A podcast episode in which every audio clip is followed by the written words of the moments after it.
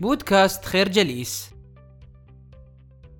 لو نظر كل واحد منا إلى نفسه نظرة تأمل سيجد نفسه بأنه يحمل داخله طفلا يلازمه ولا يكاد يفارقه. ذلك الطفل الرمز والمعبر عن كل قيم البراءة والحب والكمال. معنى ذلك أن هذه القيم هي قيم فطرية لا تحتاج لمتغيرات خارجية.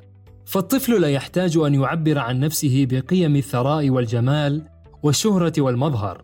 فهذه كلها مؤثرات دخيلة وليست أصيلة في النفس الإنسانية. إذ الأصيل في كل هذا هو تلك التعبيرات الحقيقية التي نفتقدها كلما مرت بنا الأيام وتلاعبت بنا الأحوال. إذا ما يجب علينا أن نفعل؟ لا شيء سوى أن نظل أحياء كما نحن دون مؤثرات تحجب عنا براءتنا والأمل في هذه الحياة. نحتاج أيضا لكي نستعيد صفاءنا ونقاءنا الطفولي أن نكون مفعمين بالحب. فهو الوحيد الذي يشعرنا بذواتنا وبعلاقتنا مع من يحيطون بنا من كل جانب. إنه الترياق من عالم مليء بالضغوطات والمشاكل والتحديات. لكن هذا لا يمنع من أن يصيغ الإنسان حياته بتعبيرات عنوانها الجمال والكمال الطفولي. فكل فرد فينا إنسان كامل إذا ما استرجع طفولته. وتخلص من ضيق المشاعر السلبية القاتلة. كذلك لا شيء في هذه الحياة يناله المرء بالتمني. فقد قيل قديما ما نيل المطالب بالتمني ولكن تؤخذ الدنيا غلابا. لهذا يمكن أن يكون الحل الوجودي الذي ينقصنا هو أن نغير نظرتنا لما يعترضنا من حوادث وآلام. فهذه العوارض لا ينبغي اعتبارها ضربات موجعة تعترض طريقنا أو تمنعنا من بلوغ الأهداف. بقدر ما هي الجزء الأصيل من تركيبة هذا الوجود والتي تهدف إلى إكسابنا مناعة التحدي والمواجهة والمقاومة. هكذا هي طبيعة الحياة وهكذا سحر الوجود. لهذا لا يجب أن نشعر بالانكسار ولا أن توقفنا ندوب الحياة ولا فوضويتها أو في بعض الأحيان عبثيتها. كل هذه الأشياء بالرغم من ألمها والحزن الذي نحاط به من جرائها. إلا أن طعمها الخفي هو أنها أيضا تحمينا من الهشاشة النفسية التي قد نصاب بها في أي لحظة من تاريخنا القصير. نحن هنا لا لكي نحيا في ظل مثالية لا وجود لها إلا في أذهاننا. بل أيضا لكي نحقق إنسانيتنا بكل تجلياتها أي أن نعيش بين الضعف والقوة والصواب والخطأ والخير والشر. المهم أن نحافظ على نقاء جواهرنا ودواخلنا. الفكرة العودة إلى الطفولة هو الحل لاسترجاع كمالنا البشري والحياة مليئة بالتحديات ولا يجب الاستسلام. الإنسان كائن غريب الأطوار فهو منفرد في تركيبة خلقه عن باقي الموجودات وليس العقل وحده ما يميزه عنها بل هناك خصائص كثيرة تختلف به عن غيره ولا يكاد يلقي لها الآخرون بالا. ومن بينها أنه كائن يمل حياته باستمرار فهو دائم الرغبة في التغيير والسعي نحو الأفضل والبحث الدؤوب عن طرق لتغيير أنماط عيشه منذ انبثاق فجر الإنسان الأول حتى وقتنا المعاصر. ولا زالت الرحلة مستمرة. معنى ذلك أن التغيير هو جزء من تركيبة الإنسان. إن لم يتغير تغيره طبيعة الكون وقوانينه. حيث يولد طفلا فيقوى ويشب ثم يشيخ في نهاية الرحلة. هذا كله مفيد حينما تشعر باليأس والملل والضجر. فكل ما يجب عليك فعله هو تذكر بديهية أن الأشياء تتغير والأحوال تتبدل ولا شيء مستقر على الإطلاق. كل الأشياء تتحول ولا بد من إدراك هذه التحولات والخروج من مناطق الأمان والجمود. فالإنسانية لم تصل إلى ما وصلت إليه لولا خوضها مغامرة التغيير والتحول.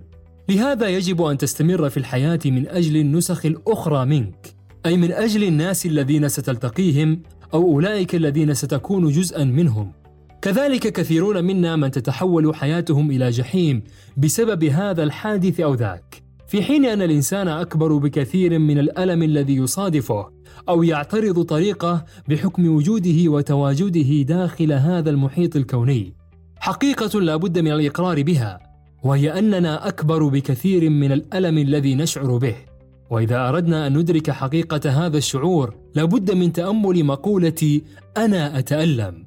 فهي مكونة من جزئين الأول هو الضمير أنا والثاني فعل تألم. بمعنى أن الانا دوما أكبر من الألم فهي وجودك الذاتي وهي حياتك الداخلية أي أن الأنا موجودة ولو لم يوجد الألم لكن الألم هو عارض مصاحب لها. هذا الخلط وهذه المغالطة التي تسبب الكثير من المشاكل النفسية والاضطرابات الجسدية.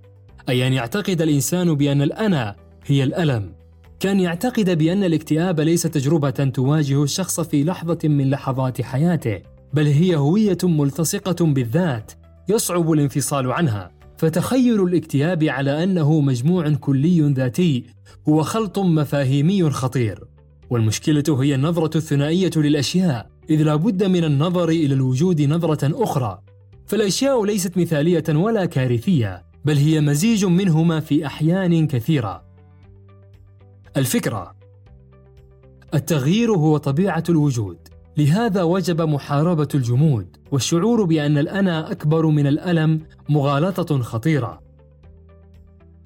في رحلة البحث عن الذات وعن الحقيقة تكتشف بأن الكلمات في الكثير من الأحيان لا تعبر عن الحقيقة وفي بعض الأحيان لا تستطيع أن تقول كل شيء.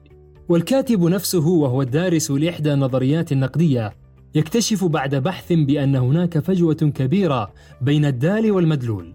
فالكلب قد لا يشير إلى كلب والماء قد لا يشير إلى الماء ومشاهد الحرب في التلفزيون قد لا تكون كذلك. وهذا ما يؤكد مسألة مهمة في الدراسات ما بعد الحداثية إذ يتبين بأن الإنسان يحاول أن يصل إلى معنى لا يمكن القبض عليه.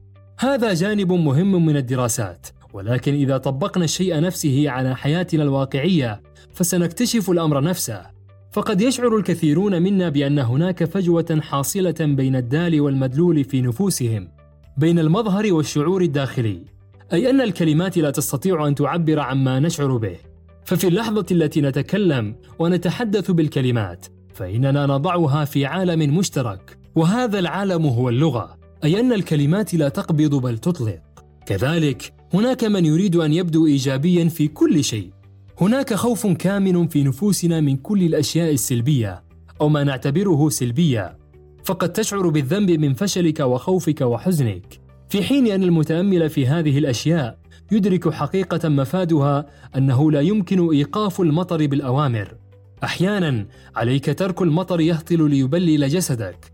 لكن المهم أنه سيتوقف في لحظة من اللحظات.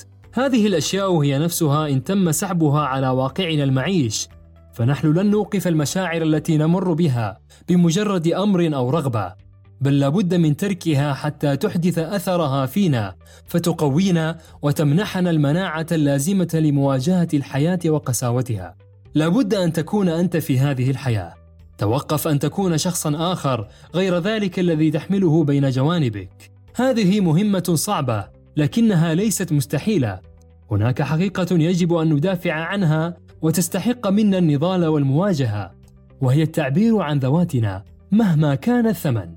وهذا فعل إلهام عميق لكل من يشعر بالتهميش والإقصاء ومحاولة الاستيعاب من طرف الآخرين. الفكرة الكلمات تحدث فجوة بين الواقع وعالمنا الداخلي والتعبير عن الذات هو أسمى التعبيرات الإنسانية. كلنا نعرف نيتشه فيلسوف التفكير بالمطرقة أو فيلسوف النقد المضاد فهو القائل بأن توقفنا عن الوجود بعد أن كنا موجودين هو السبب الحقيقي في الخوف الذي نشعر به. هذا الشعور لا يجب أن يحرمنا من رؤية الأشياء بطريقة أفضل وأسلوب مغاير ومختلف. فالخوف من الموت بالأساس هو خوف من المستقبل وخوف من الآتي والمجهول. وإذا أردنا التخلص منه فعيش اللحظة الآنية والحاضرة هو الترياق الوجودي لمثل هذا الشعور. إن خوفنا من الموت كخوفنا من أي شيء آخر يتضاعف حين نتوقف عن الحديث عنه وجعله مرئيا. فالإنسان بطبيعته يخاف من اللامرئي والخفي بالرغم من أن الموت هو تعبير عن أشياء مهمة أيضا. فهو ليس فقط مفارقة للعالم الطبيعي بل هو من يمنحنا رؤية حقيقة فنائنا. وأننا موجودات فانية. لذا وجب علينا استغلال محطات حياتنا فيما ينفعنا وينفع الإنسانية جمعاء. وهو أيضا يساعدنا على تعريف الحياة ويرفع من قيمة وقتنا على الكوكب وقيمة من نقضي وقتنا معهم. كذلك كلنا نحمل دروعا عاطفية ومشاعر جياشة ولكن هذا لا يجب أن يشكل عبئا ثقيلا على حركتك ولا يجب أن تتحول هذه العواطف إلى معضلة تمنعك عن اكتشاف الطريقة التي ستقضي بها الحياة الثمينة التي بين يديك. معنى ذلك أن حضورك الوجودي هو قيمتك الحقيقية التي يجب أن تسعى إلى ترسيخها في هذه الحياة. وقيمة الإنسان الحقيقية لا يمكن شراؤها فقط بالشهرة أو المال أو الجاه. قيمتك تكمن في وجودك. قد ولدت معك وفيك كما يولد كل الأطفال. ولا تختفي هذه القيمة بسبب التقدم في السن. فهي صفة ملازمة لك ما دام الإنسان موجودا. وما دام سعيه نحو تحقيق أهدافه يكمن في نفعه الذاتي ومصلحة الآخرين الذين يتقاسمون معنا هذا الوجود الفاني.